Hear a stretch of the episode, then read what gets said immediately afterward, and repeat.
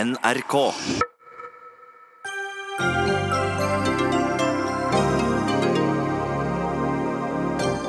Trumps tidligere valgkampsjef Paul Manafort sier seg skyldig i konspirasjon mot USA. Hvilke konsekvenser får det? Sekstimersdag blir dyrt og betyr høyere skatt, mener Høyre. Hva om det fører til at vi får flere i arbeid, mindre sykefravær og høyere produktivitet, svarer Fagforbundet.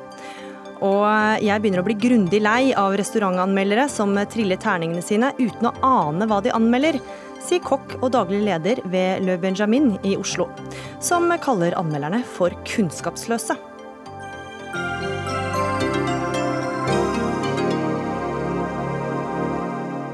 Ja, det er noe av det Dagsnytt 18 kan tilby denne fredagskvelden, der vi også skal diskutere de 4,6 millioner med vannflasker som er bestilt i den store Nato-øvelsen her i landet. Sløseri og latskap, eller helt nødvendig? Jeg heter Gry Veiby. Donald Trumps tidligere valgkampsjef Paul Manafort har gått med på å erklære seg skyldig i føderale forbrytelser. Det melder Washington Post. Dermed kan det se ut til at han er i ferd med å inngå en avtale med påtalemyndigheten, ifølge avisen. Og Anders Magnus, korrespondent her i USA, hva er det, akkurat hva er det Manafort har erklært seg skyldig i? Nå har jo eh, utviklingen kommet litt lenger, fordi Paul Manafort har nettopp vært i retten i den eh, føderale domstolen i Washington DC, hovedstaden. Der har han eh, erklært seg skyldig på to av de sju punktene han er tiltalt for i denne andre rettssaken. Han var jo i en rettssak i nabostaten Virginia tidligere i år. Og I denne behandlingen av saken så har det også kommet fram at han nå sier at han er villig til å samarbeide med Mullers etterforskere i denne eh, undersøkelsen om det har vært noen sammensvergelse mellom eh, Trumps valgkampanje og Russland. Så Det er nok det aller viktigste som har kommet ut så langt eh, av det rettsmøtet som holder på akkurat nå. Og Hva kan det ha å si da, dersom han nå går ned med på samarbeidet med spesialetterforsker Robert Mueller? Det er veldig viktig. Det er klart at eh, han, vi, ikke, vi, vet ennå ikke hva han vil fortelle. Men eh, hvis han eh, har fått en slik avtale om å erklære seg skyldig på to av sju punkter bare, eh, så betyr det at Møller vil ha noe tilbake. Altså må eh, Manafort ha sagt at han har noe som, eh, som Mueller kan ha bruk for. Han var jo valgkampsjef for Donald Trump. Han var med på dette eh, herostratisk berømte møtet i Trump Tower, hvor eh, noen russere tilbød eh, Trump-kampanjen å fortelle negative ting om Hillary Clinton. Han vet sannsynligvis om Trump visste om dette møtet eller ikke på forhånd. Og så har han jo veldig gode kunnskaper om økonomiske forbindelser til Russland, og sannsynligvis også en del av Trumps økonomiske forbindelser til Russland. Jeg tror at kanskje det siste er det Møller er aller mest interessert i, fordi det kan være at det er her hunden ligger begravet. Fordi Trump har jo lenge hatt ganske omfattende eh, økonomiske forbindelser med Russland. Spørsmålet er av hvilken art disse forbindelsene har vært. Og Hvilke konsekvenser vil dette kunne få for Trump? Ja, Hvis eh, Manafort vet eh, ting om Trump som eh, er ulovlige, så er det klart at det er veldig alvorlig for Trump. Eh, man kan selvfølgelig si at Manafort vet at Trump ikke har gjort noe ulovlig, at det er, det, eh, at det er den sannheten som Mueller også etterforsker. Han skal selvfølgelig finne ut om det kan være riktig også. Men de fleste kommentatorer her mener da at det eh, vil ikke være eh, viktig for Mueller å grave videre i, og dermed gi eh, Manafort eh, denne fordelen av å kunne erklære seg skyldig i to punkter. Det han har erklært seg skyldig i, er å ha eh, bedrevet påvirkning på vegne av et ukrainsk parti i USA uten å ha registrert seg som, som agent for en fremmed stat, slik loven krever. Det er det ene han vil erklære seg skyldig i. Og så vil han også erklære seg skyldig i å ha forsøkt å påvirke rettergangen. For han forsøkte jo da han fortsatt var fri og satt eh, eh, bare eh, med hjemmearrestasjon, så å si, da han var fri med kausjon, så forsøkte han å påvirke noen av sine bekjente i Ukraina, og dette ble han tatt for. og Det er det han også erkjenner seg skyldig i. Du nevner jo litt reaksjoner i USA, men, men hva sier kommentatorene og avisene om det som nå skjer? Ja, de fleste mener jo at dette her er et svært viktig gjennombrudd. Og det er klart at Manafort har mye å vinne på dette. Han har allerede eh, blitt dømt for skattesvindel, og han har nå eh, sagt at han er villig til, å, til at eh, skattemyndighetene beslaglegger fire av hans eh, eiendommer. Han eh, er jo blitt dømt for å ha svindlet 15 millioner dollar i skatt. Det er nesten 100 millioner Eh, eller over 100 millioner kroner. Så, så, så de har tatt mye av formuen hans. Og han eh, kunne eh, ha risikert kanskje ti år i fengsel på det han er kjent skyldig i denne rettssaken i Virginia. Med, hvis han kommer ut på god oppførsel, så kanskje det blir en dom på åtte, eller et fengselsopphold på åtte og et halvt år. Han er nå 69 år gammel og vil sannsynligvis ikke ha lyst til å sitte så lenge i fengsel. Det blir kanskje resten av hans liv. Og han vet jo litt om hvordan det er, for han sitter jo nå i fengsel, så han vet jo hvordan det smaker. Så de fleste kommentatorer her mener at han har nå så mye å vinne, fordi at ved å samarbeide med etterforskerne i Møller, eh, Møller spesialetterforskning, så kan han få redusert denne straffen fra Virginia, som kommer fra Virginia-domstolen, ytterligere. Møllers eh, eh, advokater og anklagere kan bidra til at han sitter mindre enn disse kanskje 8,5 årene i fengsel, men da må han levere når han blir spurt om ting. Han må fortelle alt han vet. Ellers så eh, vil han trolig ikke få noe reduksjon i straffen. Da vil ikke Møllers eh, eh advokater og eh, etterforskere prøve å få straffen nedsatt slik de kan, hvis han er flink til å og fortelle alt han vet og har noe å komme med. En ting er i hvert fall sikkert, Vi kommer til å følge denne saken tett i NRK.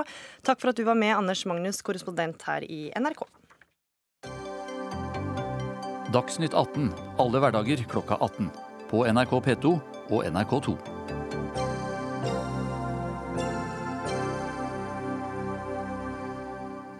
Hvor mye må skattene økes dersom vi innfører seks timers arbeidsdag? Det spørsmålet stilte stortingsrepresentant og Høyres Henrik Asheim til Finansdepartementet. Svaret er, kort fortalt og med noen forbehold, at husholdningene vil få en skatteøkning på 11 prosentpoeng. Og Henrik Asheim, leder av finanskomiteen, hvorfor mener du at det er et argument mot sekstimersdagen? Ja, Det tallet i seg selv er et argument mot sekstimersdagen. For det, jo, for det vil bety at enten så må vi da dramatisk øke skattene, eller så må vi kutte dramatisk i velferdsstaten vår. Bare for å sette det i perspektiv. Hvis du bare innfører sekstimersdag og antar at det ikke har noen effekt, så vil skattene øke med 168 milliarder kroner. Altså Vi har lagbak en valgkamp hvor vi diskuterte 15 milliarder. Her er så dette er da skatter i tillegg til det skattenivået vi har, og så vil det bli 11 prosentpoeng i tillegg? Ja, og så er det sånn at hvis du da eh, regner det sånn som perspektivmeldingen gjør, altså man antar at økt skatt også gjør at færre vil jobbe, altså insentivene vil gå ned, så snakker vi 224 milliarder. Og da er spørsmålet kan vi øke skattene i Norge med 224 milliarder uten at det går dramatisk utover både eh, viljen til å jobbe, men også familienes personlige økonomi, over bedriftenes evne til å konkurrere? Eller vil det da faktisk være ganske dumt å innføre en seks timers arbeidsdag? Så svaret ditt er egentlig nei? Definitivt. Det er en veldig dårlig idé å redusere arbeidstiden med to timer. En, tatt, eh, en av dem som tar til orde for sekstimersdagen er deg, Mette Nord. Du er leder i Fagforbundet. Altså en økning på 11 prosentpoeng i skatt. Hvordan tror du det blir mottatt av medlemmene dine? Ja, men For det første så er det jo feil spørsmål, og det er også eh, feil premiss som man legger inn i eh, denne saken. Hva er feil spørsmål da? Eh, jo, fordi at eh, når vi vet nå at vi har en eh, yrkesrelaterte sykdommer og skader, de koster 30 milliarder i året. Vi har en, eh, veldig mange som står utenfor arbeidslivet og som lever av ulike trygdeytelser. Så vårt mål med å løfte en arbeidstidsreform med sekstimersdag som den mulige virkemidlet, det handler jo om flere ting. Det handler om eh, Vi skal inn i en teknologisk eh, skifte som gjør at flere av eh, jobbene kommer til å endre karakter. Sånn at eh, vi kommer til å måtte dele på arbeid. Det mener vi er en riktig medisin, istedenfor at vi kommer til å få en økning av arbeidsledige. Så flere må jobbe, derav eh, sekstimersdagen? Ja, og så er det jo eh, det at vi har nettopp vært gjennom en pensjonsreform hvor vi har fått en levealdersjustering som gjør at vi må jobbe til vi er nærmere 70 år. Så vi snakker om en omorganisering av arbeidstiden, hvor en kortere daglig arbeidstid kan bidra til at, du en, eh, at flere står mye lenger i jobb. Og det er mange yrker i Norge som faktisk er av en sånn belastning at folk faktisk går av med pensjon før de fyller 60. Og da er jo eh, intensjonen med å se på kan vi nå kombinere flere ting. Det at eh, vi har et arbeidsliv hvor folk både kan leve av, leve med eh, og stå i eh, til de går av med en reell pensjon og også kan leve av pensjonen. Så dette med bærekraft og det å, å se på én utgift og bare gange den opp, det blir en feil premiss. Ja, Seim. Hva om det fører til at vi får flere i arbeid, mindre sykefravær og høyere produktivitet, slik Fagforbundet hevder? Et kinderegg, og du har vært opptatt av skatten? Ja, definitivt. Nei, altså jeg mener at dette her er altså, Her er det så mange gale premisser på en gang. Og bare for å si det, Noe av grunnen til at jeg stilte spørsmålet var at Erna Solberg hadde et utspill i sommer hvor hun sa at det kan hende vi må jobbe 43 timer i uken. Det er ikke fordi vi skal gjøre det, men det var en illustrasjon på hvis vi ikke effektiviserer offentlig sektor og ikke får flere inn i jobb, så blir det regningen vi sitter med. Og hvorfor det? Vi blir flere eldre, færre arbeidstakere per pensjonist, og vi får lavere oljeinntekter. Med andre ord, det vi kommer til å trenge i fremtiden, er at flere jobber og at flere Nettopp. står lenger i jobb. Flere kan jobbe, jo, og flere litt, kan stå lenger Vent litt, Nord. Men i skal dager, si ferdig. Nord, fordi det som er poenget er at Hvis du bare da sier at en industribedrift for eksempel, da, skal ansette tre stykker på skiftet de før hadde to ansatte, så øker jo bare kostnaden for den samme jobben. Og Det betyr igjen at dermed så vil vi få mindre produktivitet, og Norge vil ha mindre skatteinntekter som vi kan bruke på skole, helse, eldreomsorg og alle de tingene. Så det største slaget mot velferdsstaten vår, det er å si at folk skal jobbe mindre mindre. For det er den viktigste inntekten vår på statsbudsjettet. Det er ikke olje og gass. Det er at folk står opp om morgenen og går på jobb. Og Nord, Erna Solberg har jo advart at vi, mot at vi kommer til å måtte jobbe 43-timersuker dersom ikke flere kommer ut i jobb. Det er jo ganske interessant at man sier at det ikke er bærekraft i velferdsstaten når man gir 25 milliarder i skattekutt til de rikeste. Du foreslår 224 milliarder utgifter. Men så er jo poenget, hvis vi klarer å få flere til å jobbe flere år i arbeidslivet. Det at hjelpepleieren som har en uføredekning eller uføreavgang i arbeidslivet nå på rundt 60 år, hvis den kan jobbe til den er 65-67 og kanskje nærmere 70, så har vi altså spart trygdeutgifter på ti år, og vedkommende har hatt inntekt og kunne leve av selv. Jeg er sjøl hjelpepleier. Hadde jeg skulle hatt en fulltidsjobb i dag som hjelpepleier, så hadde jeg sannsynligvis ikke klart det, fordi jeg har eh, skader i rygg og skjelett. Så det handler jo om, og mine kollegaer fra den gangen jeg var i praktisk arbeid, sleit også med de samme tingene. Så man har jo sett at man både reduserer arbeidstiden, men også tar ut eh, Må gå over på pensjon. Det samme gjelder mange andre belastende yrker. Mm. Altså, du kan jo få det spørsmålet da. Hva om sekstimersdag får flere i tunge omsorgsyrker til å stå lenger i arbeidslivet? Ja, det er veldig mye vi må gjøre for å få flere også i tunge omsorgsyrker til å stå lenger i arbeidslivet. Og vi gjør ganske mye for å tilrettelegge for det. Vi har også en ekstra ferieuke f.eks for de som er over pensjonsalder, men som står i jobb lenger. Så mange sånne ting gjør vi allerede. Men det er veldig rart å ta frem slegga og si at alle skal ned til seks timer, fordi noen Nei, men, yrker er slitsomme. Det... Eh, og det er, for, for, å sette i perspektiv, det du ellers kunne foreslått, det er at alle nordmenn skal ha ni uker ekstra ferie hvert år. Og så kan du spørre deg selv, i en verden hvor vi trenger flere eh, inntekter til å betale for pensjonister, og i en verden hvor vi konkurrerer med utlandet, vil det være lurt om alle nordmenn tok ni uker ekstra ferie hvert år? Nei, det vil det ikke. Men fordi du... baksiden av den regningen er da at du har mindre penger å fordele i velferdsstaten, fordi du får mindre verdiskaping. Nå, veldig mange av de prosjektene på sekstimersdag som har vært gjennomført, har vært i privat sektor. De har vært vellykket. Man har fått produktiviteten opp, sykefraværet ned. Og så er vi i en situasjon nå hvor vi, som jeg sa, vi skal inn i et teknologisk skifte. Når LO-kongressen nå gjorde et vedtak om å utrede en arbeidstidsreform som også har med arbeidstid å gjøre, eller en arbeidslivsreform med arbeidstid, så handler det om vi kommer inn i en teknologi, vi trenger en kompetansereform. Vi har mange som står utenfor arbeidslivet, og vi vet at vi har altså eh, folk som skal prøve å stå til de er 70 år. Hvis vi kan klare å få til en omorganisering og løse utfordringene på flere områder, så ville vel det være en vinn-vinn-situasjon for hele samfunnet. Og Det er jo nettopp den diskusjonen og de, det utredningsarbeidet som LO nå skal gjøre, for å se på om, eh, om nettopp arbeidstid kan være virkemidlet til å få til flere av disse elementene her. Vi, vi skal ta med en tredjeperson her. Erling Holmøy, du er seniorforsker ved Statistisk sentralbyrå. Har Norge råd til at folk jobber seks timer i stedet for sju og en halv, sånn som det er i dag?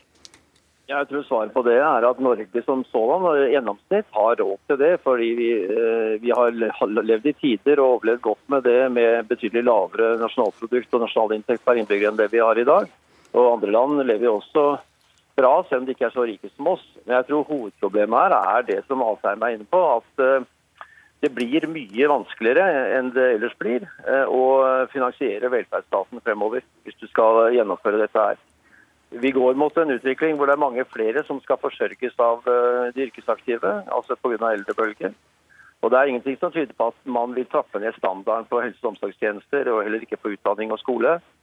Og det er klart at Dette vil forsterke det presset som blir på de yrkesaktive, for det er de som sånn er bærebjelken i, i velferdsstaten. Mm. Men vi har jo hatt en perspektivmelding som har også eh, fremskrevet en del eh, på hvordan kjøpekraftsutviklingen for eh, Norge kommer til å være fram mot 2060. Og man går mot en dobling av kjøpekraften med de premissene som har lagt til grunn for det. Vil det da være urimelig å eventuelt se på om man kan tåle et noe høyere skattetrykk og et litt mer rettferdig skattesystem, for å sikre at vi har nettopp folk som Vi sikrer den høye sysselsettingen vi kan få flere ut i arbeidsstyrken gjennom eh, mer type inkluderende arbeidsliv i, eh, ved en arbeidstidsreduksjon. Og at man muligens kan bruke den reduserte arbeidstiden til å investere i kompetanse, sånn at vi sikrer fortsatt høy produktivitet, eh, slik vi har gjort. Vi har jo hatt ulike arbeidstidsreduksjoner opp gjennom tidene, enten i form av daglig arbeidstid eller gjennom økte permisjoner eller eventuelt ferier.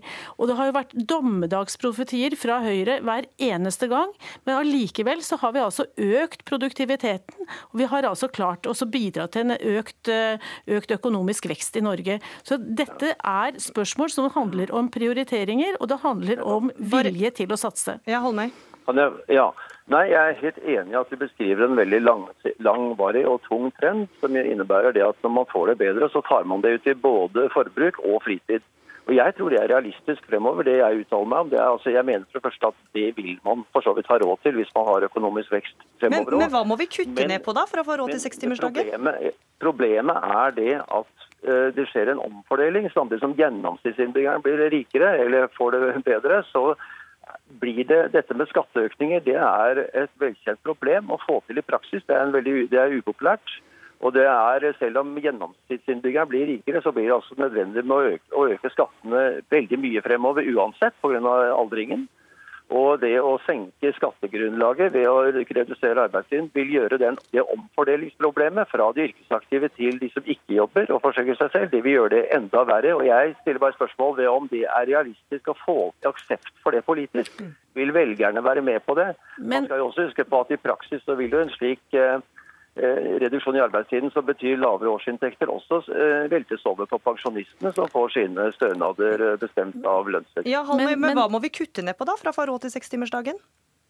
Ja, jeg mener Hvis man skulle gjøre det og opprettholde skattene som skal til for å dekke de offentlige utgiftene, så må man jo kutte ned på et privat forbruk. Man må jo tilbake til en tid hvor man ikke gikk så mye på restaurant, man reiste mindre, man hadde ikke så mye hytter og store rom og dyre kjøkkeninnredninger osv. Det er klart at er, vi har levd i tider hvor uh, man, uh, man, levde fint. Kanskje vi skal ha tid til å bruke eh, hytta også? Ja, men ja, jeg skal ikke meg opp til hva som er prioriteringen for den enkelte. Men jeg sier at jeg tror det blir et vanskelig å få oppslutning for dette i valg. Men nå skal det jo dette antagelig skje gradvis. Ja, dette er jo ikke snakk om Vi har ikke Vent litt, Nord. Ja, Nord. Ja, Vi har jo ikke snakka om at dette skal skje over natta. Dette er snakk om eh, først et utredningsarbeid, og så er det jo hvordan man kan eventuelt fase det inn.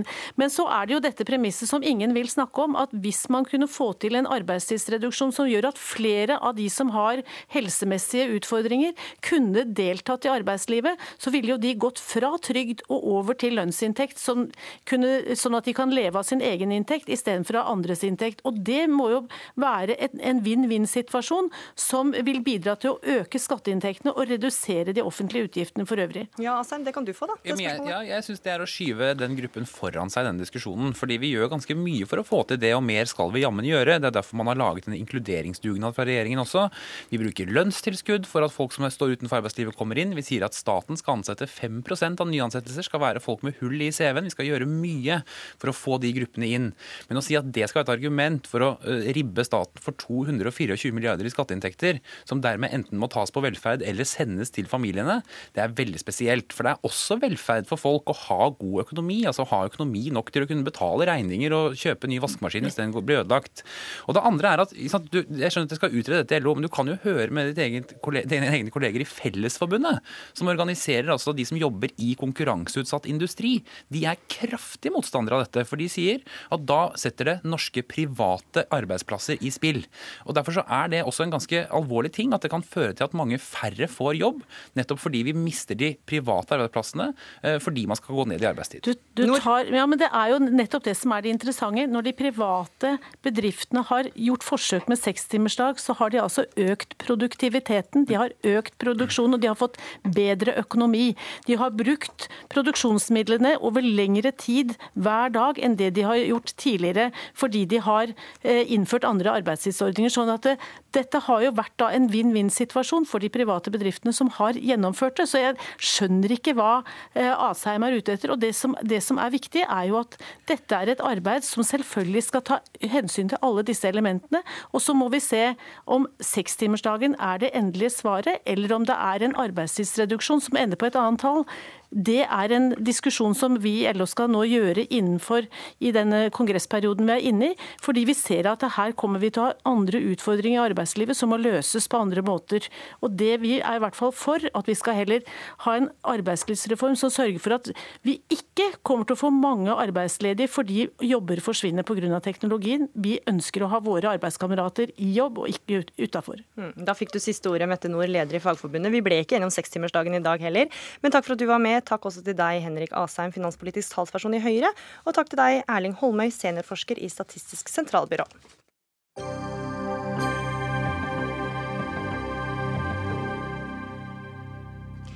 Fra nyttår innfører Helsedepartementet såkalt pakkeforløp også for psykisk helse. Med pakkeforløp skal pasienten få vite hva som skal skje, når det skal skje, og hvem som har ansvaret for behandlinga. Og helseminister Bent Høie mener at pakkeforløp for kreft har vist seg å gi så gode resultater at man derfor også bør gjøre det innenfor psykisk helse. Men Mani Hussaini, du er leder i eh, AUF. Dere mener at dette er feil vei å gå. Hvorfor det? Så jeg mener at uh, erfaringene fra pakkeforløp for kreft har vært veldig gode. Men det er noe helt annet å innføre akkurat samme standardisering uh, for psykisk helsehjelp. Ja? Jeg mener, jeg mener, for det første at dette her er New Public Management på speed. Fordi man sier at, uh, at alle skal få akkurat samme behandling. Uh, uansett uh, diagnose. Det mener jeg er feil. Jeg har mange venner som jobber i psykiatrien som har fortalt meg i dag at uh, jeg kan få to pasienter som lider av angst, men begge to krever to ulike behandlinger. Bent Høie og hans lille ekspertutvalg har da lagt opp til at det er én formel på hvordan man skal gå frem. Det mener jeg er feil. Det mener jeg er en, en, en grov standardisering av et veldig komplekst felt. Og jeg mener at i ytterste konsekvens så kan vi få til at folk blir diagnosert når de egentlig trenger lavterskeltilbud, få en samtale, så på en måte er du kvitt med, med, med problemet ditt, istedenfor får du diagnose angst, depresjon eller hva enn det skulle være. Det mener jeg at staten er med på å sykeliggjøre befolkningen gjennom dette forslaget. Daniel Skjevik Aasberg, du er første nestleder i Unge Høyre. Hvorfor er pakkeforløp eh, også en god idé for psykisk syke? Det er en veldig god idé for eh, psykisk syke også. Jeg vil bare først starte med å kommentere det Mani fra UF her sier. fordi det er jo ikke riktig at det, dette er et standardisert behandlingsløp. Både behandling, hvilken type behandling man skal få, og behandlingslengden er ulik. Og det man høster av erfaringen fra pakkeforløp for kreft, er jo det at selv om selv om kreft og psykisk lidelser og rusavhengighet ikke er det samme, så er det jo, opplever man jo mange av de samme eh, utfordringene når man står i kø og venter på behandling for å få, for å få hjelp. Det er den samme utryggheten, det er den samme uforutsigbarheten. Man vet ikke hva som skal skje. Det er nettopp derfor man skal innføre dette. Og dette gjelder jo rammene. Det er ikke innholdet behandlingen som standardiseres, men det er rammene for behandlingen. Så som eh, programlederen sa innledningsvis, det er du skal få en koordinator, du skal få vite når du skal få hjelp, hvor du skal få hjelp, hvem som skal gi deg hjelpen. Og så i stedet for å sitte og på, kjenne på den uforutsigbarheten, så får man et eh, pakkeforløp som sier noe om eh, Som gjør at du får mindre utrygghet og mindre uforutsigbarhet. Ja, Hussaini, altså Forutsigbarhet er vel ekstra fordel for denne gruppa? Definitivt. Og jeg er med på alle forslag som kan gjøre at eh, eh, disse menneskene får raskere behandling, og at de får forutsigbare eh, løp. Men det er ikke dette her handler om. For dette handler om at man skal få en meny med hvor mange timer av ulike behandlinger du skal få når du har fått en diagnose. Og du skal få en diagnose når du er innenfor dette pakkeforløpet. Jeg mener hvis du har kjærlighetssorg, da, og, og, og, trenger noen å snakke med, så skal, det, så skal, det, være enkelt å få det til. Og så skal du gjøre, gjøre unna det, og så kanskje hjelper det, og så er du ikke syk. Men gjennom pakkeforløpene så sier vi at du eh, lider av angst, av depresjon, av hva enn du skulle være, og du skal følge et løp på x antall timer med psykologer og leger. Det mener jeg er feil vei å gå. og Det mener jeg er å sykeliggjøre en, en, en, eh, en frisk befolkning. Men, men, eh, dette er ikke riktig for verken behandlingen, hvilken type behandling du får, hvor lang behandling du skal få.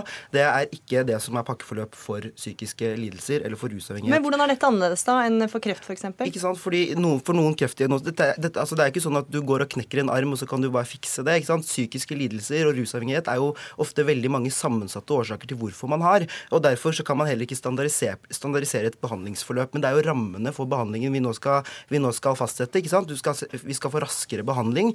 Helsetjenesten får en frist på når de skal behandle deg. Du får vite hvem, du får en egen koordinator som skal fungere som et bindeledd, som skal eh, trekke sammen alle disse irrgangene i helsetjenesten, som skal fungere som en døråpner inn. Det er jo det som er pakkeforløp for psykiske lidelser og for rusavhengighet. Ikke det at man skal ha en one size fit all-løsning for alle som har psykiske lidelser.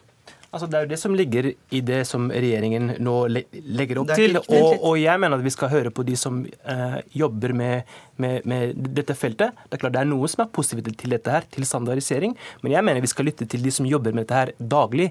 De sier at samme diagnose kan ha to-tre to, ulike behandlingsformer. Og at vi må stole på fagfolk til å kunne ha den friheten til å avgjøre det. For det du er redd for nå, er at da de, går de inn i samme mølle alle sammen? Alle går inn i samme, samme mølle. Om du har kjærlighetssorg, eller om, om, om om, dine foreldre skal skille seg, eller om, om, om du har noe trøbbel på hjemmefronten, så skal du da først få en diagnose. Det mener jeg er veldig feil. Det er en veldig farlig vei å gå. Istedenfor å satse på lavterskeltilbud gjennom skolehelsetjenesten, som Arbeiderpartiet har foreslått på regjering eh, eh, på Stortinget. Men det er jo først når man får en diagnose, ja. at det er da man trenger forutsigbar behandling? Ja, helt riktig. Men det er jo ikke alle som, som, skal få en diagnose. Mange er i startfasen, mange har bare noen av symptomene. Og da mener jeg at lavterskel er det med, mest riktige å gjøre, så er jeg med på å ansette mange flere psykologer, sosialrådgivere, miljøarbeidere, som kan være med og ta vare på de som sliter aller mest. Men å lage et standardforløp som gir deg på en måte x antall timer her og der, eh, når du i realiteten kanskje trenger bare en time med helsesøster eller med psykolog, det mener jeg er en veldig farlig vei å gå. Og, og, og, og danskene har gjort dette her. Altså, vi, vi, jeg mener at vi skal ha en kunnskapsbasert helsepolitikk. Og når danskene har innført dette her, og sier at det er blitt New Public Management, at man er mer opptatt av målstyring og at, eh, at, eh, det faglige ikke spiller noen rolle, så mener jeg at vi må være forsiktige med å lage eh, pakkeløp skal, som, som, som kan, kan, gå på pasientens helse. Fordi dette er jo ikke riktig, Mani. Dette, vi har jo sett til Danmark og sett hva som ikke funker i Danmark. Det er nettopp derfor vi har valgt å gjøre en annen løsning i Norge, mm. som ikke er denne standardiserte typen behandling som du snakker om. Det er mye mer generelle tiltak. Mm. Og så synes jeg det er ufattelig trist det at uh, Mani Hussaini sitter og sier det, for vi har opplevd det gutter og jenter som uh, sliter med alvorlige spiseforstyrrelser, f.eks. anoreksi, som har stått i kø i flere måneder. Mm. De, mange av dem står faktisk i fare for å dø. og Nå sier vi i stedet for at du skal bli en kasteball i helsesystemet, så skal du bli henvist. Eh, du får hjelp fra, eh, til ta maks syv dager. Du skal få en egen kontaktperson, du skal få vite hvem som skal behandle deg, hvor du skal behandles. Og den beskjeden du sender nå til disse pasientene, er jo at det syns ikke vi er en god idé. Og det syns jeg er en dårlig helsepolitikk, og det er en tafatt måte å behandle disse menneskene på. Vi skal ta inn en tredje person her. Martine Antonsen, du er styreleder i eh, Mental Helse Ungdom. Og du har brukt mye tid på å studere pakkeforløp for psykisk, eh, psykisk helse. Hva er ditt inntrykk av hvor godt det fungerer? Uh, hvor godt det fungerer? Altså, det skal implementeres nå. Uh, første pasienten skal henvises uh, første i første. Men hva er ditt inntrykk 2019. av forslaget sånn som det ligger, da? Sånn som forslaget ligger, så er målene med pakkeforløpene er ikke at du skal få en pakke sånn som det har vært i kreft. Det er veldig viktig å understreke. Dette er inspirert av kreft, eh, men, eh, men, målene er ikke at du skal få så og så mange timer. Det er ikke det i det hele tatt som står i disse pakkeforløpene.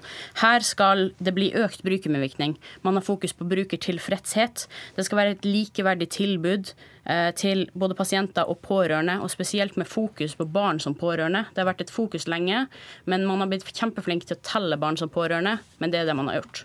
Nå skal man faktisk få en fokus på å følge opp barn som pårørende. Eh, man eh, skal unngå unødvendig ventetid eh, for pasienter, og det skal være sammenhengende og koordinerte tjenester. Og noe av det jeg ser som en veldig fordel her, er at, er at det, det, kommer noen krav til hva som må i en henvisning for at du skal få et pakkeforløp. Og det vil gjøre at man er nødt til å utrede noe før man kan henvise til et pakkeforløp. Som vil gjøre at kommunen er nødt til å se hvor mye bra lavterskelbehandling som skjer i kommunen. Og hvor man må bruke, benytte seg av de mulighetene man har innad i kommunen. Og man vil lære eh, at flere og flere, eller man vil se at flere og flere kan bruke de tilbudene som allerede finnes i kommunen, og gå rett på lavterskel, i stedet for at du blir henvist til spesialist, og så blir man avvist der, og så har man venta i tre måneder, og så går man til nytt igjen, og så går man til det, det, så det vil føre til at flere bruker lavterskeltilbudene? Ja, jeg har veldig tro på det. Og så Det vil føre til en forutsigbarhet og en trygghet. Og det disse pasientene trenger, den tryggheten og den forutsigbarheten, og det at man kommer raskere til behandling. Mani Hosseini, da vil jo føre til mer lavterskeltilbud, som du foreslår? da? Altså, Jeg håper det. Jeg håper det, men de lavterskeltilbudene finnes jo ikke i dag. Det er jo det som er problemet. Jeg skulle ønske at det fulgte masse penger med dette her, fordi det er stor mangel på, eh, eh på helse, helsesøstre, på psykologer der ute som kan være med å gjennomføre disse tingene her. Så ingenting ville ha gledet meg mer enn at vi faktisk klarte å få flere til å gå til lavterskeltilbud. Men jeg, jeg, jeg har et spørsmål, og det er oppriktig spørsmål. Mener man at det er riktig å gi en diagnose før man kan da få lavterskeltilbud? Jeg mener svaret er nei. Jeg mener at alle skal ha en, en mulighet for å da kunne, kunne oppsøke en helsesøster. Men må man ha en diagnose før man eh, benytter seg av lavterskeltilbud? Nei, ikke i det hele tatt. Ja, altså det, er jo, det, er jo det, det, som legges opp gjennom et pasientforløp. Det er jo, det er jo, da, har, da, har, du en rekke krav og en rekke rettigheter som utløses idet du har, i det du har, uh, i det du har fått en, en diagnose. Jeg, jeg bare sier Se til Danmark, se hva som ikke fungerer. Og så er vi med på å diskutere alt som kan gjøre at enda flere får hjelp. Fordi jeg, jeg, jeg mener at det er altfor mange som i dag ikke får hjelp. Vi har, sett, vi har, sett, til Danmark, vi har lært av det de har gjort feil i Danmark. Vi har gjort et annet type pakkeforløp som er mye mer generelt, og som kommer til å funke på den gruppen. Og det må være mulig å se to ting, eh, tenke to tanker samtidig, og både tenke lavterskeltilbud. Vi har fått på plass 800 flere helsesøstre. Vi har stilt krav om kommunepsykologer i alle kommuner. Og i tillegg så skal vi nå innføre pakkeforløp for psykisk helse og rusavhengighet, og det tror jeg blir veldig bra for pasientene. Antonsen, hvor stort er behovet for hjelp eh, hos barn og unge som sliter psykisk? Det er stort, og det er økende. Vi ser av den helt ferske Ungdata-rapporten at færre og færre trives i skolen. Eh, det er en nedgang i ungdom sin tro på at de får et godt og lykkelig liv. Eh, og ungdom er rett og slett bekymra for fremtida. Eh, de siste to årene så har tallene på psykiske helseplager i videregående økt markant, både blant gutter og blant jenter. Og når man ser at gutter topper selvmordsstatistikken, unge menn topper mm. selvmordsstatistikken, så er det et stort potensial her til noen vi ikke når ut til i dag. Uh, og det det rapporteres om i disse undersøkelsene, er at det er økt skolepress og stress, og det er kroppspress, og også blant gutter. Mm. Det er veldig få som tar opp det i media, kroppspress blant gutter. Altså, eh, I de samme eh, rapporten av Ungdata så, så ser, man, ser man også det er flere studenter. Eh, altså Det er mange unge, unge, mennesker som i dag sliter med psykiske vansker. Eh, og jeg mener at, at eh, det må alltid være en balanse mellom det å kunne ha lavterskeltilbud og liksom være forsiktig med å sykeliggjøre, sykeliggjøre folk. Jeg mener at alle forslag alt vi kan gjøre for å gi disse her bedre tilbud, er bra. Men vi må være forsiktige med å lage standardiserte Ja, former det har du sagt. som kan gjøre at vi sykeliggjør, sykeliggjør folk. Det er erfaringene som har gjort det. anoreksi er ikke, det er ikke sykeliggjøring. De trenger hjelp. De trenger hjelp raskt. Ja, De pårørende og, er Og der er vi vel alle enige om at denne gruppen trenger hjelp, og det Ja. raskt. Takk for at dere var med i Dagsnytt 18, Daniel Skjevik Aasberg, første nestleder i Unge Høyre, Mani Hussaini, leder i AUF, og Martine Antonsen, styreleder for Mental Helse Ungdom.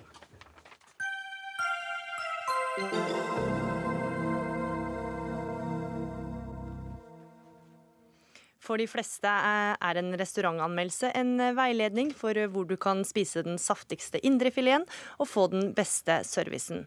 Men for dem som jobber på et spisested, er en anmeldelse så mye mer. Den kan f.eks. bety at du ikke har jobb neste måned, for hva skjer med restauranten etter et dårlig terningkast og gjestene som uteblir?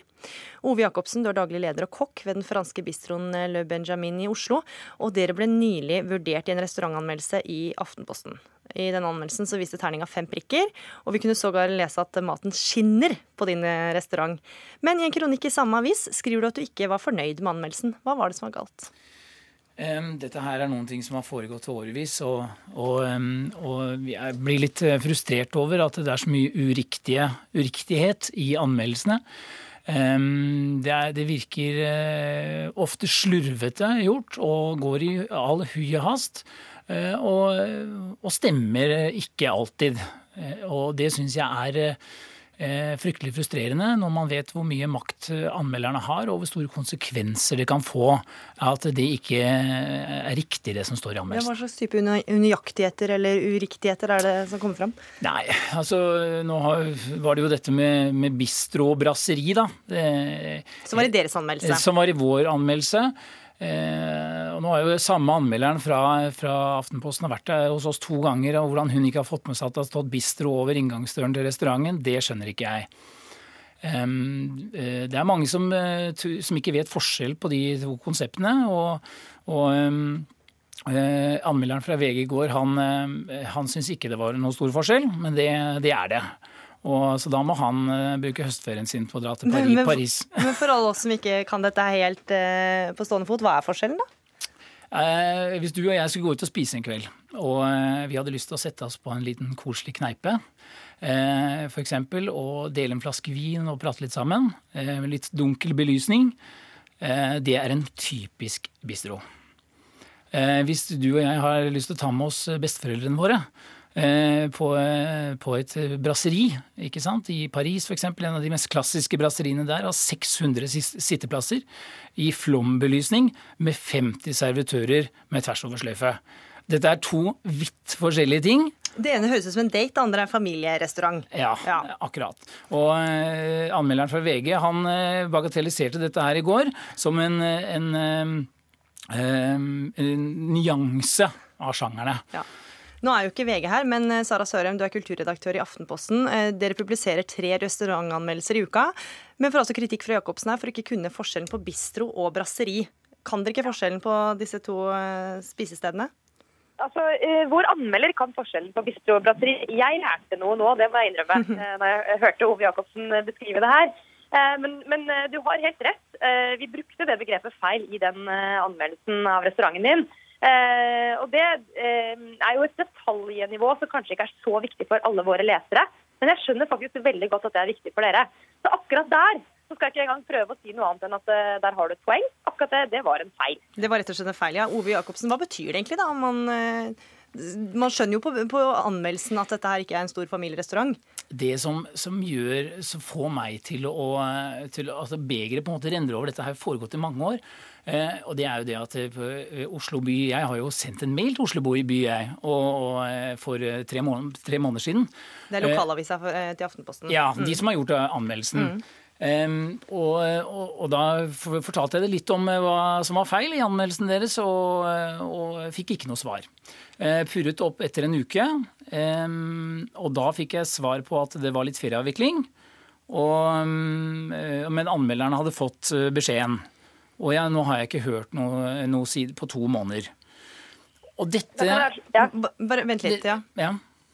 Dette får, meg til å, dette får meg til å tenke at dette er litt sånn, litt sånn nonchalant. At, at, vi, at, vi, at det skjer feil hele tiden.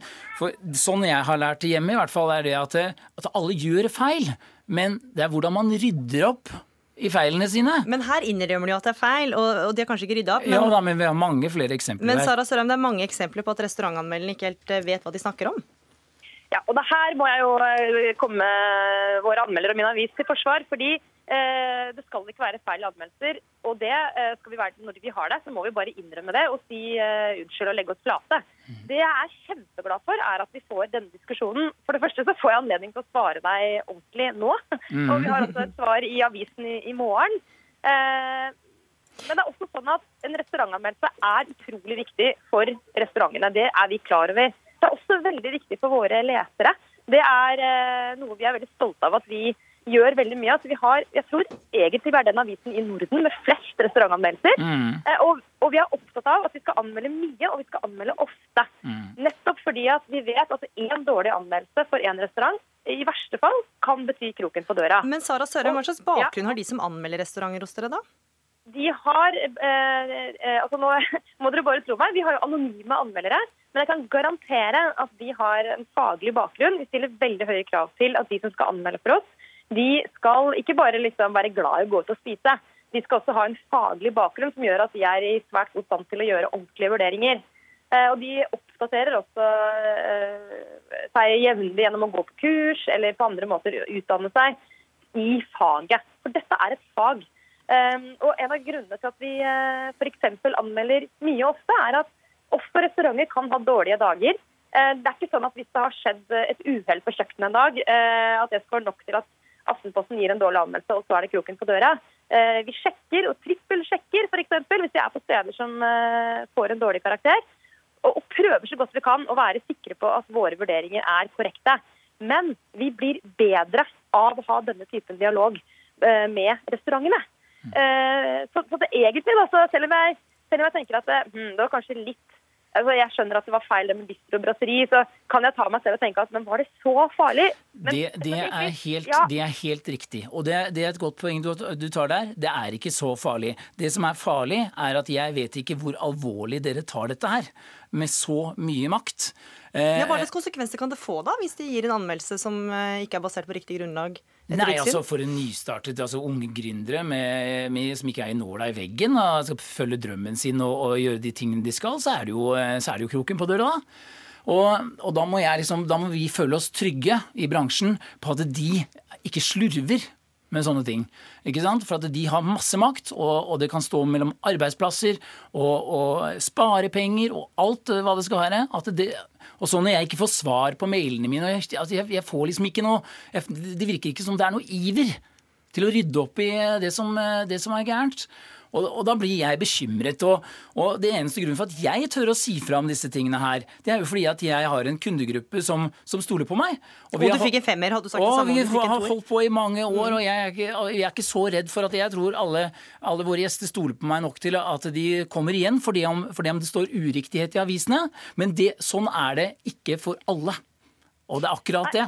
Hvor bevisst er dere det ansvaret da, Sørheim? Vi er, eh, vi er veldig klar over det. Eh, vårt hovedansvar er eh, leserne våre.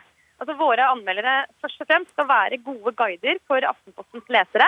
og sørge for at de velger riktig den ene kvelden de er ute og skal spise på restaurant. Når det er sagt, så er det sånn at hvis vi ikke brøy oss om den makta vi har, så hadde vi heller ikke gjort jobben vår. Jeg og vi i Aftenposten ønsker jo Oslos restaurantscene, for å kalle det det, alt godt. Vi vil også at Oslo skal være en matby i verdensklasse. Og vi har ikke noe ønske om å bidra til å urettferdig spenne bein på, på matgründere som er ivrige og som prøver å starte noe. Samtidig så er det sånn at vi plikter også å melde fra når noe ikke holder den standarden som det burde. Eh, Men jeg kan garantere at vi er utrolig opptatt av at vi ikke skal være slumsete og ikke være sleivete. Det har du sagt Ja. Ja, men Oi, oi. vi er til å stole på. En ting er nå at restauranteiere blir sure på oss.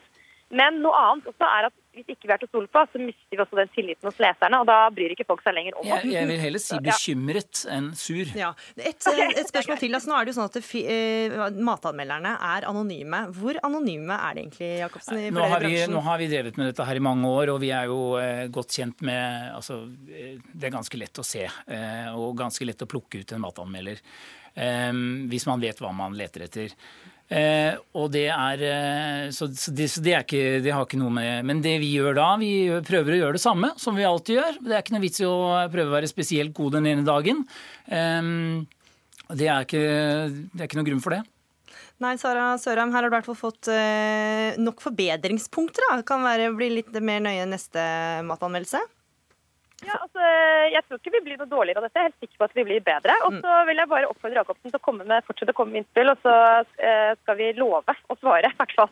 Sånn at vi slipper å få den i Dagsnytt 18. Det, kan jeg, det, skal, det skal jeg forsøke å garantere deg. Kulturredaktør i Aftenposten Sara Sørheim, takk for at du var med i Dagsnytt 18. Takk også til deg, Ove Jacobsen, kokk og daglig leder i restauranten Le Benjamin. Får vi se da om det blir møte mellom dere to. Ja. Hør Dagsnytt 18 når du vil. Radio nrk.no.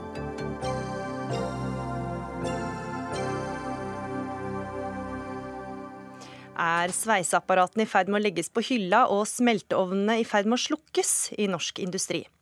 Er de tunge uh, industriarbeidsplassene snart historie her i landet? Det er nyhetssjef i Klassekampen Mimmi Kristiansson som stiller spørsmål i en kommentarartikkel i Klassekampen i dag, og svarer selv. Det er en vrangforestilling at ingen jobber i industrien lenger. Bakgrunnen er denne ukas debatt om nivået på sykelønnsordninga i Norge, og mulige kutt i velferdsordninga. Og Mimmi Kristiansson, nyhetsleder eh, i Klassekampen, du er med oss på linje fra Gardermoen. Og en av dem du mener er vrangforestillinger, er Heidi Nordby Lunde fra Høyre. Hvorfor det? Ja, altså I Politisk kvarter på tirsdag så sa Heidi Nordby Lunde ordrett at de tunge industrijobbene, de skadelige jobbene, er for alle praktiske formål ikke i Norge lenger. Altså De tunge industrijobbene de har vi ikke lenger. Vel, det jobber 260 000 mennesker i industri, bergverk, utvinning i Norge. Det er hver tiende person som jobber. De aller fleste kan fortelle at deres jobb er en fysisk jobb. Mye automatisert. Det er klart det er bedre enn det var på 30-tallet. Men dette er jobber der du får vondt i ryggen, der du ligger i ubehagelige stillinger, der du har hele veien risiko for arbeidsskader. Og det som jeg reagerer på, Dette var sikkert bare en glipp av Heidi Nordby Lunde, så jeg tilgir henne for det. I hvert fall hvis hun beklager. Men, men, i tillegg så er dette den typen ting som folk, politikere, journalister som meg, tenketankfolk lirer av seg hele tiden. Det er bare noen måneder siden agendasjefen sa at de store industribedriftenes tid er over. Statsministeren vår sier i nyttårstalen at vi lever i et kunnskapssamfunn, hva nå enn det skal bety. Og det handler om en grunnleggende usynliggjøring av veldig viktige deler av norsk næringsliv og veldig viktige deler av norsk industri. Og det er politikerne og de andre i meningsbobla inne i Oslo, som jeg òg tilhører, nødt til å kvitte seg med i vrangforestillingene. Ja, Heidi Nordby Lunde, nestleder i arbeids- og sosialkomiteen på Stortinget fra Høyre. Du er med oss på linje fra Bodø, og som Mimmi Kristiansen sa, så sa du på tirsdag i Politisk kvarter at de tunge industrijobbene og de skadelige jobbene er for alle praktiske formål ikke i Norge lenger. Mener du det? Ja, altså I en debatt om sykefravær så påpeker jeg også her at uh, de tyngste løftene, de absolutt farligste jobbene innen industrien, har forsvunnet. Det er jo en, en, forskjell på arbeidslivet i dag for de som er nye innenfor uh, arbeidslivet, som kommer inn på en industriarbeidsplass i dag, vil jo oppleve en helt annen arbeidsplass enn gutta som sto på gulvet på 70-tallet. Så ting har endra seg over tid. Og mitt poeng allikevel så har vi et mye høyere sykefravær i Norge enn vi har hatt tidligere. og i enkelte områder på enkelte områder så er det økende. Så her føler jeg at Mimir Kristiansen tar et sitat ut av sin sammenheng og prøver å vri en debatt som om ikke jeg forstår at vi har norsk industri i Norge, når denne regjeringen la fram den første industrimeldinga på over 30 år i 2016, hvor vi også sa at vi skal legge grunnlaget for både gammel industri til å overleve, men også gå inn i nye industrieventyr. Ja, Kristiansson, La oss holde oss litt i industrien fortsatt. Mener du at det er like hardt, tungt og risikabelt å jobbe i norsk industri i dag som det var på 1970-tallet? Nei, og Takk og pris er det ikke det. Men å late som om det ikke finnes tunge industrijobber, det blir absurd. Altså På en bedrift som Kverner Verdal så eh, fant man ut for noen år siden at to tredjedeler, to av tre som jobber i bedriften, blir uføre. Altså De rett og slett ødelegger kroppene sine før pensjonsalder fordi de har hardt arbeid Det er systematiske levealdersforskjeller som gjør at hvis du er prosessoperatør eller sveiser, så lever du fem, seks, syv år kortere enn hvis du er lege eller arkitekt. Dette er fullt mulig å finne igjen i all helsestatistikk. Disse jobbene er tunge fortsatt. De krever mye av kropp. De krever mye av mennesker, og de sliter folk ut. Og det som Heidi Nordby Lunde sier, at jeg vrir et sitat ut av sin kontekst. altså det kan på en måte godt være, men hvis Heidi Nordby Lunde ikke vil det, så må hun slutte å si så håpløse ting. Fordi at dette er en type ting som blir sagt og sagt. Det er blitt et slags munnhell i politikken. Industribedriftenes tid er over. De tunge industrijobbene finnes ikke lenger. Vi lever i et kunnskapssamfunn. Vi skal ikke leve og produsere ting i framtida. Og den type tenking som er blitt helt gjengs i det politiske miljøet, både til høyre og venstre, og ikke minst i pressen, som jeg sjøl tilhører, den er farlig. Ja, hvorfor det? Hva er konsekvensen av den type tenking? Konsekvensen av den type tenking er et dårlig politisk klima for å satse på industri. Denne regjeringen har lagt fram en industrimelding. Det er første gang på over 30 år. Av lære til den, selv om den ikke var så konkret eller god som jeg skulle ønske. Men industrien har vansmekta. Folk på både arbeidsgiversiden og arbeidersiden er ute på verft, ute på kraftkrevende eh, prosessbedrifter overalt i olje osv. Og, så og føler at det politiske miljøet ikke forstår dem, ikke lytter til dem, ikke bryr seg om dem. Og så får de den type meningsløshet altså dette her, servert i Politisk kvarter fra ledende politikere, at det ikke finnes tunge industrijobber i Norge lenger, som jo rett og slett bare er feil. og Det syns jeg jo Heidi Nordby Lunde skal innrømme nå. Ja, Nordby Lunde, Det er jo en viss risiko å jobbe på Kværner Verdal, da, for det er to tredjedeler av arbeiderne der blir uføre, dokumenterte Magnus Marsdal i boka AFP på 123. Så det er jo tunge industrijobber i Norge da? Absolutt, men det var ikke i en debatt om tunge industrijobber eller industriarbeidsplasser, men velger å bruke eksempler innenfor eh, debatten om sykefravær på å påpeke påpeke, som f.eks. at kvinner innenfor helse og omsorg i dag har høyere sykefravær enn mange menn i industrien, og at det er noe vi burde debattere. Det er ikke nedvurdering av industriarbeidsplasser, snarere tvert imot. Gå på en hvilken som helst stortingsrepresentants Facebook-side, så vil du se at vi er ute på industriarbeidsplasser hele tiden og går rundt i gule hjelmer og, og, og verne, vernestøvler og tar bilder av det nettopp fordi at vi er stolte av den industrien vi har i Norge og ønsker å dokumentere og vise at vi faktisk er ute, ser på og lytter til de som jobber der. Så dette mener jeg at Kristiansson tar helt ut av sin sammenheng for å bruke og skape en, en, debatt og fortegne en debatt som er helt unødvendig. Vi må gjerne snakke om norsk industri, for den er vi stolte av, og den skal vi videreutvikle. Men vi må også få lov til å bruke eksempler i andre debatter som går på nettopp det at i løpet av de, eh, de 40 siste årene så har vi automatisert bort veldig mange av de tunge, krevende jobbene innenfor industrien. Det betyr ikke at alle er borte. Og det betyr ikke at det fortsatt ikke er tungt og krevende arbeid i industrien. Nei, for det er og, Kristiansson, det. Dette sitatet er jo noe du har tatt fra en helt annen eh, debatt som handlet om sykelønnsordningen. Mm, men det, den debatten, disse debattene henger sammen. Og det er typisk i sånne debatter at man rett og slett hopper bukk over det som er hverdagen for veldig veldig mange. Meg og Heidi Nordby Lunde, og for så vidt du òg, Sigrid Solund, vi har jobber som krever all verdens eh, kreve all verdens fysisk av oss. Vi kommer til å klare å holde på til vi er 70. Vi blir sikkert entusiastiske pensjonister som vil juble over å få være aktive, få delta i samfunnsdebatten og gud vet hva.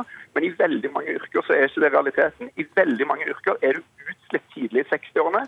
Da er kroppen din ødelagt. Da har du rett og slett gjort ditt. Og Mimmi Kristiansson, eh, jeg må avbryte deg, vi har ikke mer tid.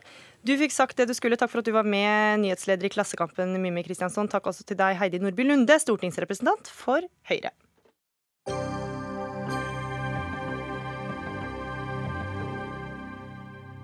Om litt over en uke starter en av de største Nato-øvelsene på norsk jord, nemlig Trident Juncture. 40 000 soldater fra mer enn 30 land kommer til Norge, og i den forbindelse er det bestilt 4,6 eh, millioner flasker med vann, noe som tilsvarer 115 flasker med kjøpevann til hver av soldatene, ifølge TV 2.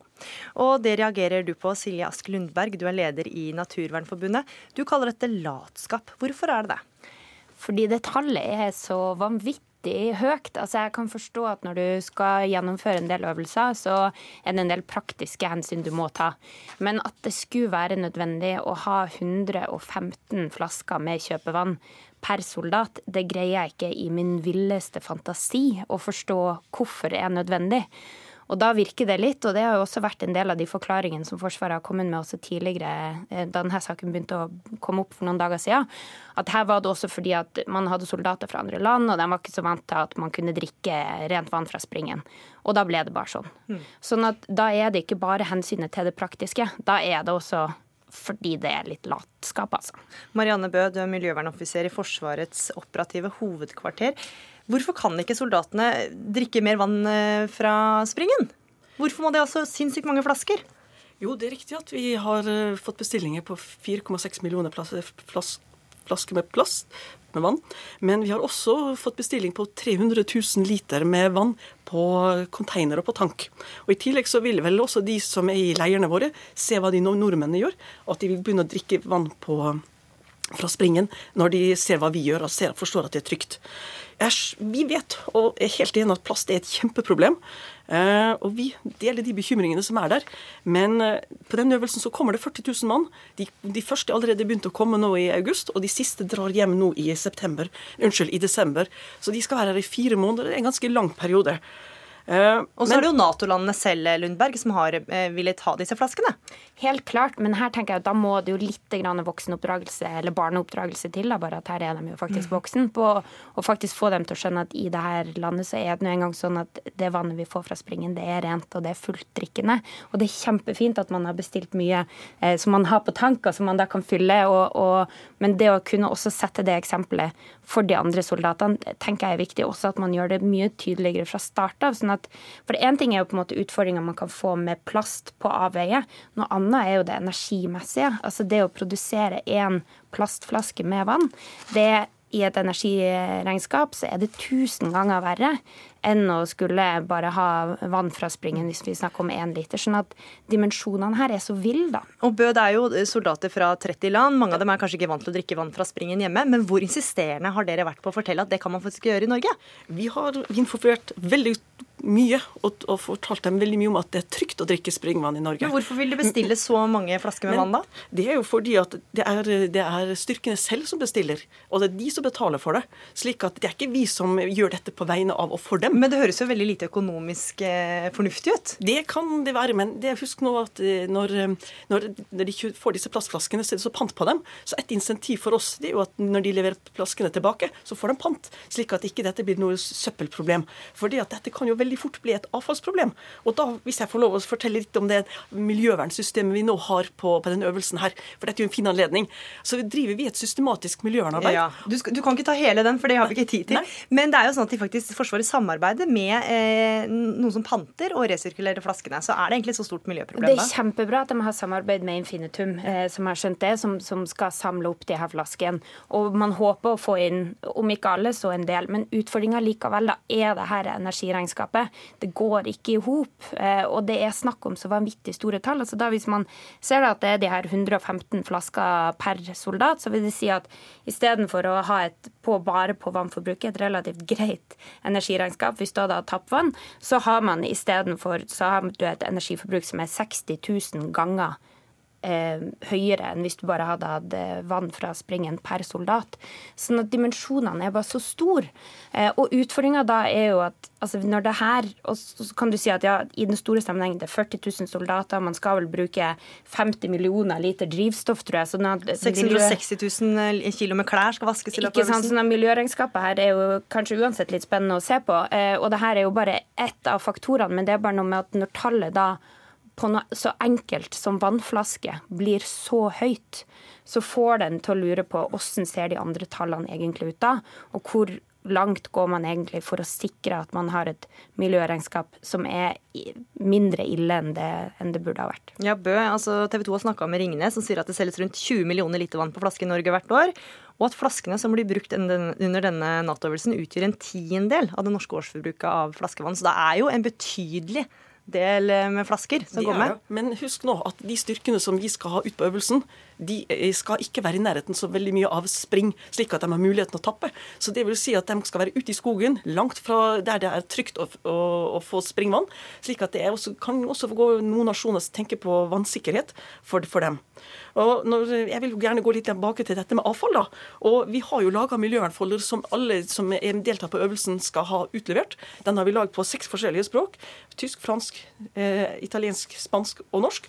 Og her står det på en av sidene at dette med avfallshåndtering For vi er jo litt bekymra for at det vil ligge igjen plastflasker i naturen. Mm. Og, men det må vi få rydda opp i. Så det at det ligger igjen plastflasker, det betyr at det er brudd på forurensningsloven. Hoveddelen av Trident Juncture starter i slutten av oktober og varer i en to ukers eh, tid. Men det vil være mye aktivitet både før og etter. Og dere har jo i hvert fall denne miljøfolderen deres. Takk for at dere var med i Dagsnytt 18, Marianne Bø, miljøvernoffiser i Forsvarets operative hovedkvarter. Takk også til deg, Silje Ask Lundberg, leder i Naturvernforbundet. Dagsnytt 18 er over.